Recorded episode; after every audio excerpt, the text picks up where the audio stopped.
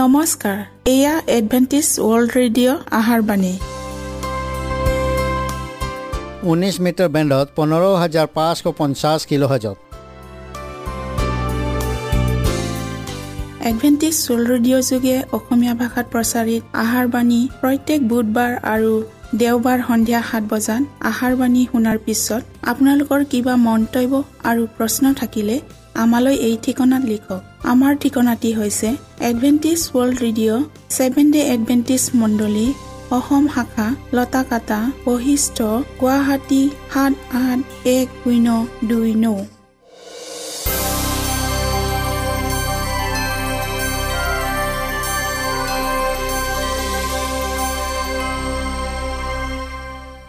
প্ৰিয় শ্ৰোতা বন্ধুসকল এতিয়া শুনো আহক এটি খ্ৰীষ্টীয় ধৰ্মীয় গীত।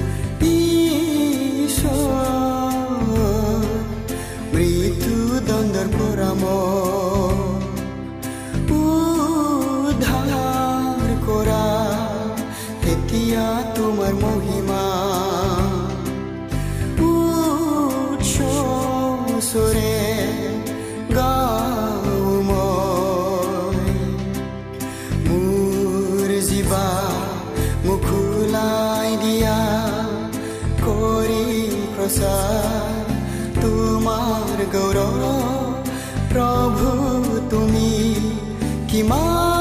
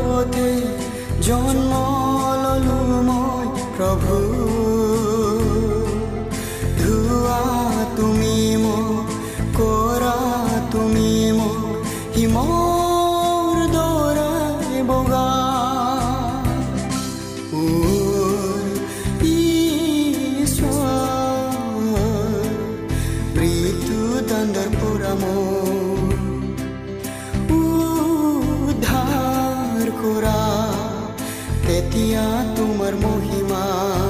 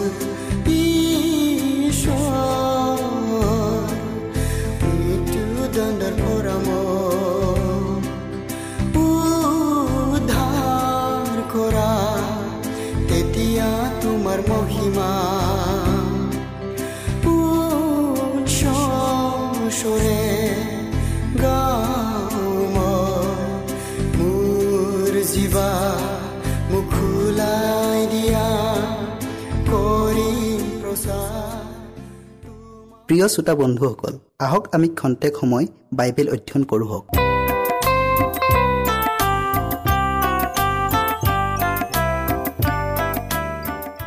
আজিৰ বিষয় হৈছে অভিযান অৰ্থাৎ ঘৰলৈ উভতি আহা যীশু পাপীবিলাকৰ উদ্ধাৰৰ অৰ্থে মানৱ জনম লৈ এই ধৰালৈ আহিল।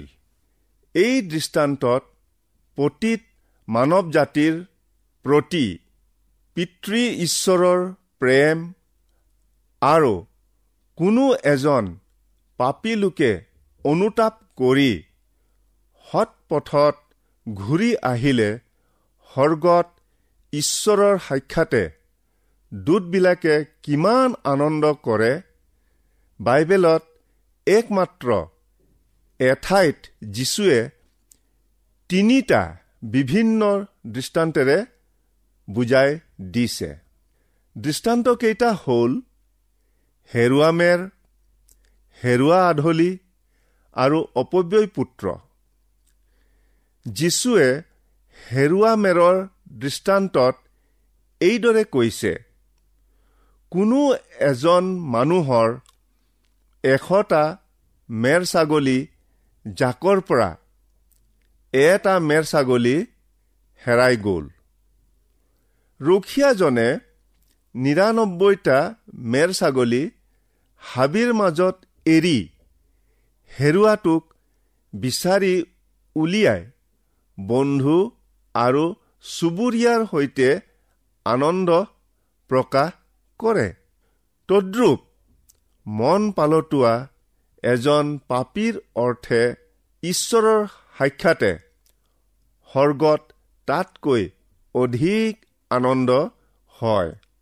যীশুৱে দ্বিতীয় দৃষ্টান্তৰ দ্বাৰাই আৰু ক'লে কোনো এজনী তিৰোতাৰ দহোটা আধলিৰ এটা হেৰাই যোৱাত তাই চাকি জ্বলাই ঘৰ সাৰি নোপোৱা মানুহলৈকে বিচাৰি আছিল। আৰু যেতিয়াই তাই হেৰুৱা আধলিটো বিচাৰি পালে নিজৰ সখী আৰু চুবুৰীয়া তিৰোতাৰ সৈতে লগ লাগি আনন্দ কৰিলে।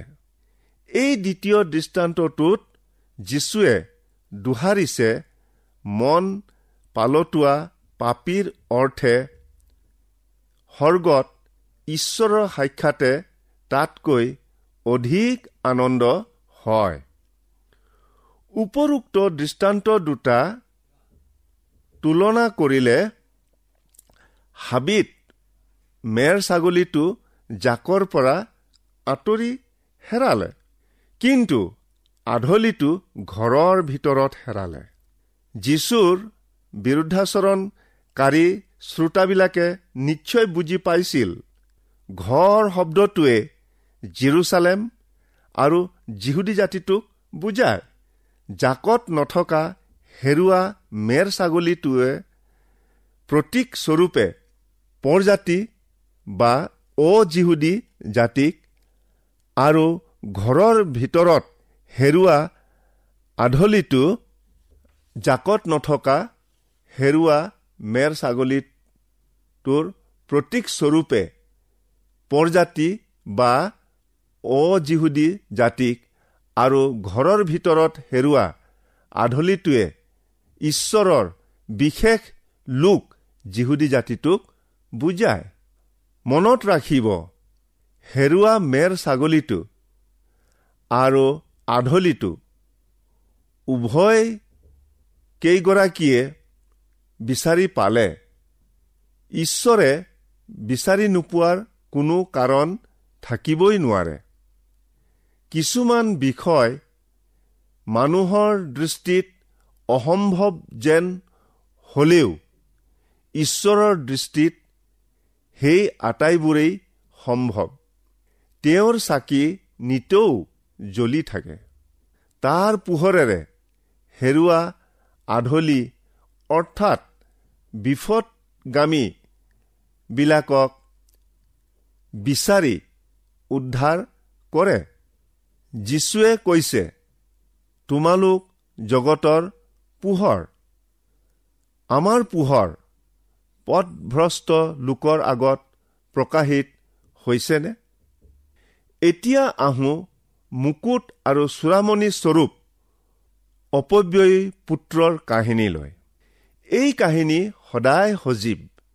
এই কাহিনীৰ দুজন পুত্ৰই প্ৰতীকস্বৰূপে যিহুদী আৰু প্ৰজাতিক বুজায়। আগতে কৈ অহা হেৰুৱা মেৰ ছাগলী আৰু হেৰুৱা আধলিটোৰ দৃষ্টান্তত পাপ আৰু পাপীৰ বিষয়ে উল্লেখ নাই। কিন্তু এই তৃতীয় দৃষ্টান্তত পাপীজনৰ প্ৰতি ঈশ্বৰৰ আচৰিত প্ৰেম প্ৰকাশ পাইছে। সৰু পুতেকে পিতৃৰ মৰমীয়াল শাসনক কঠোৰ আৰু নিষ্ঠুৰ যেন জ্ঞান কৰি তাৰ ভাগত পৰা পৈতৃক সম্পত্তি লৈ দূৰদেশলৈ যাত্ৰা কৰিলে। পাৰিবাৰিক উপাসনাত তাৰ বৃদ্ধ বাপেকে পঢ়া শাস্ত্ৰৰ এইষাৰ সদুপদেশ শুনিছিল। যি মানুহে প্ৰজ্ঞাক প্ৰেম কৰে তেওঁ নিজ পিতৃক আনন্দিত কৰে। যিকোনোৱে বেশ্যাবোৰৰ সংগী সি নিজৰ ধন সম্পত্তি অপব্যয় কৰে। বৃদ্ধ বাপেকে পঢ়া শাস্ত্ৰৰ বাক্যলৈ সি কৰ্ণপাত নকৰিলে।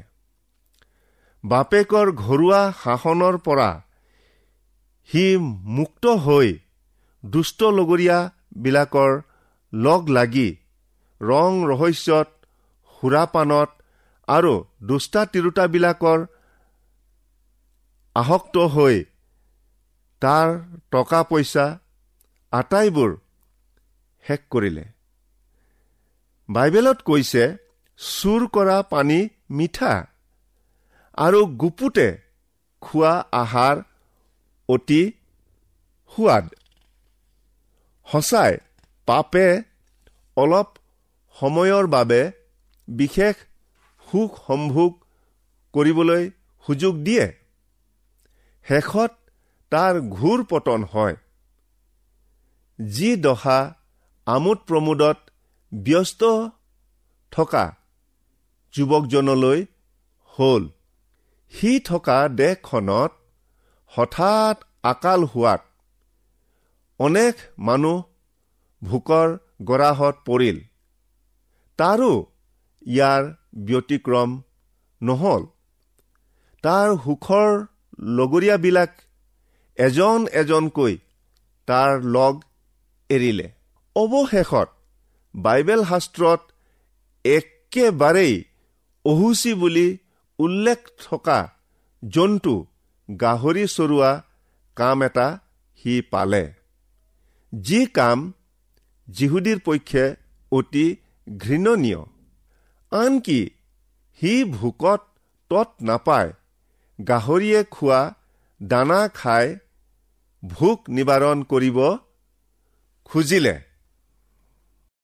প্ৰিয় শ্ৰোতা বন্ধুসকল বাইবেলত কৈছে তেতিয়া সি চেতনা পাই ক'লে মোৰ পিতৃৰ ঘৰত কত চাকৰে? জোৰাকৈ আৰু তাতকৈও অধিক খোৱা বস্তু পাইছে। কিন্তু মই ইয়াত ভোকত মৰিছোঁ। যদিও বাইবেলে তাৰ পিতৃগৃহ এৰি অহাৰ দিন সপ্তাহ আৰু বছৰ উল্লেখ কৰা নাই। তথাপিও তাৰ পিতৃগৃহৰ সুন্দৰ পৰিৱেশৰ ছবিখন মনলৈ আহিল। তাৰ বৃদ্ধ বাপেকে চাকৰবিলাকক মৰমেৰে ব্যৱহাৰ কৰা খোৱা বোৱাত কৃপণালী নকৰা ইত্যাদি। সেয়ে সি দৃঢ় প্ৰতিজ্ঞ হৈ ক'লে মই উঠি বোপাইৰ তালৈ গৈ এই কথা কম। বোপাই সৰ্গৰ অহিতে আৰু আপোনাৰ দেখাত মই পাপ কৰিলোঁ। আপোনাৰ পুত্ৰ বুলি মতাৰ আৰু যোগ্য নহওঁ। মোক আপোনাৰ এটা চাকৰৰ নিচিনা কৰক। এতিয়া সি ঘৰমুখী হৈ উভতি অহাত সি দূৰত থাকোঁতেই তাৰ বৃদ্ধ বাপেকে তাক দেখি মৰম লাগি লৰি গৈ তাৰ ডিঙিত ধৰি চুমা খালে। পুতেকেও নিজৰ পাপ ভুল ভ্ৰান্তিবোৰ স্বীকাৰ কৰিলে। বাপেকে তাৰ সেইবোৰ অনুনয় বিনয়লৈ কাণ নিদি ঘৰৰ ভিতৰলৈ তৎক্ষণাত আনি আটাইতকৈ উত্তম বস্ত্ৰ হাতত আঙুঠি আৰু ভৰিত জোতা পিন্ধালে। যীশুৱে কৈছে যিকোনোৱে তোমাক এমাইল বাট বলেৰে নিয়ে তেওঁৰ লগত দুমাইল যাবা। মৰমীয়াল বৃদ্ধ বাপেকে তাৰ লগত আৰু এমাইল বাট আগবাঢ়ি গ'ল। অৰ্থাৎ বৰভোজ পাতি আনন্দ কৰিব ধৰিলে। এনেতে বৰ পুতেকজন পথাৰৰ পৰা আহি ঘৰ নৌ পাওঁতেই আঠ বাটৰ পৰাই নাচ গানৰ মাত শুনি ঘৰৰ ভিতৰলৈ আহিবলৈ নোখোজিলে। বাপেকে তাক ঘৰলৈ আহিবলৈ অনুনয় বিনয় কৰা স্বত্তেও সি তৰ্ক বিতৰ্ক কৰি থাকিল। উক্ত দৃষ্টান্তক আধুনিক ভাৱ ভাষাৰে এজন মৰমীয়াল পিতৃ আৰু দুজন অপব্যয়ী পুত্ৰ বুলি ক'ব পাৰি। দুয়োজন পুত্ৰই হেৰাই গৈছিল। সৰু পুতেকজনৰ দৰে ডাঙৰ পুতেকজনো হেৰাই গৈছিল। দৰাচলতে ডাঙৰ পুতেকজনৰ অৱস্থা সৰু পুতেকজনতকৈ অধিক শোচনীয় আছিল। এজনে ঘৰৰ ভিতৰত হেৰালে আনজন ঘৰৰ বাহিৰত হেৰালে। সন্দেহ নাই ডাঙৰ পুতেকজন ভদ্ৰ অমায়িক আৰু শান্তশিষ্ট আছিল। সি কেতিয়াও পৰিয়ালৰ দুৰ্নাম অনা নাছিল। সকলোৱেই তাক প্ৰশংসা কৰিছিল। সি পৰিশ্ৰমী আছিল। কিন্তু অবাধ্য নাছিল। হলেও সি অত্যাধিক গোৰামী স্বভাৱৰ আছিল। সি বৃদ্ধ বাপেকৰ সৈতে তৰ্ক কৰোঁতে মোৰ ভাইৰ সলনি আপোনাৰ ল'ৰা বুলি কৈ অভিযোগ কৰিছিল। যীশুৱে কোৱা দৃষ্টান্তৰ দ্বাৰাই আমি বুজিছো বাপেকে নিজ সন্তানক স্নেহ কৰা দৰে জিহুৱাই তেওঁলৈ ভয় ৰাখোতাবিলাকক কৃপা কৰে। অনুতাপিতজনে তেওঁৰ পথত উভতি আহিলে। ঈশ্বৰে কৈছে মই তোমাৰ অপৰাধবোৰ মেঘৰ দৰে আৰু তোমাৰ পাপবোৰ ভাপৰ দৰে দূৰ কৰিম। দুষ্ট লোকে তাৰ পথ আৰু অধৰ্মী লোকে তাৰ কল্পনা ত্যাগ কৰক। আৰু জিহুৱালৈ ওলটি আহক। তাতে তেওঁ তাক কৃপা কৰিব। আমাৰ ঈশ্বৰলৈ ঘূৰি আহক। কিয়নো তেওঁ প্ৰচুৰ পৰিমাণে ক্ষমা কৰিব। ঈশ্বৰৰ অনুগ্ৰহৰ দুৱাৰ। এতিয়াও আপোনালৈ মোলৈ খোলা আছে। বাইবেলৰ শেষ পুস্তকত এইদৰে কোৱা আছে যিবিলাকে জীৱন বৃক্ষৰ অধিকাৰী হবৰ আৰু দুৱাৰেদি নগৰত সোমাবৰ কাৰণে নিজ নিজ বস্ত্ৰ ধুৱে। অৰ্থাৎ তেওঁৰ আজ্ঞা পালন কৰে তেওঁবিলাক ধন্য। এতেকে আজি যদি তোমালোকে তেওঁৰ মাত শুনিবলৈ পোৱা তেন্তে তোমালোকৰ হৃদয় কঠিন নকৰিবা।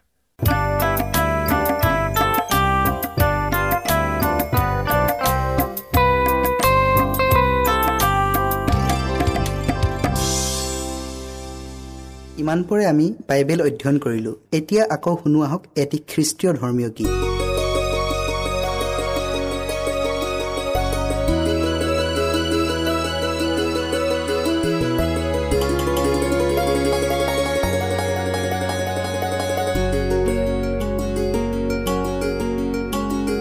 কেতিয়ানো ঘূৰি আহিব বুলি প্ৰভুৱে বাচাই আছে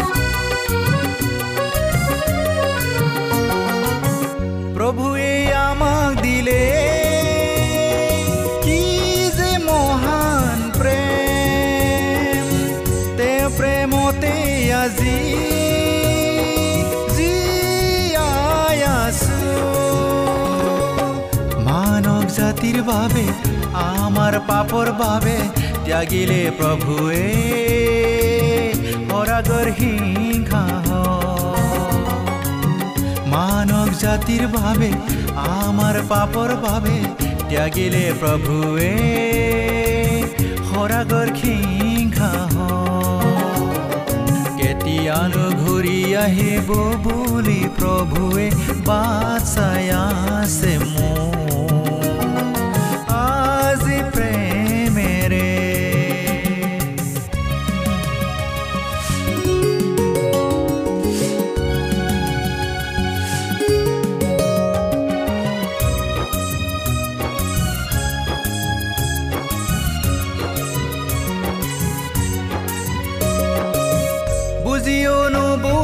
মই তোমাৰ প্ৰেমৰ বাণী।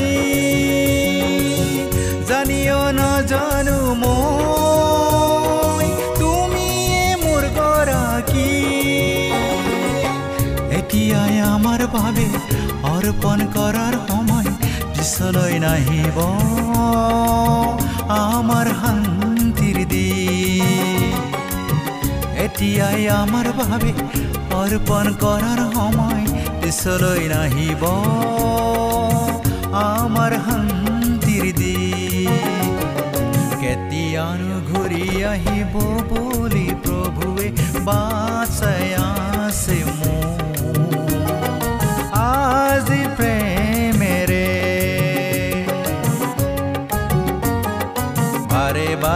মাতে আজি আমাক মাতে তেওঁৰ কাষল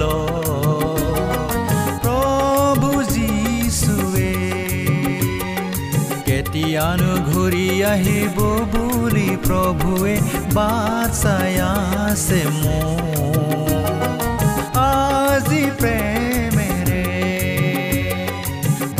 বাৰে মাতে আজি আমাক মাতে তেওঁৰ কাষল প্ৰভু যীশুৱে মনত ৰাখিব আমাৰ ঠিকনাটি পুনৰ কৈ দিছোঁ। Adventist world radio' Assam region of seven day Adventist voice of hope Latakata Basistha Guwahati seven eight one zero' two nine প্ৰিয় শ্ৰোতা বন্ধুসকল এডভেণ্টিজ ৱৰ্ল্ড ৰেডিঅ' যোগে আহাৰবাণী প্ৰচাৰত আপোনালোকক পুনৰ লগ পোৱাৰ আহাৰে আজিলৈ সামৰিলোঁ। ধন্যবাদ।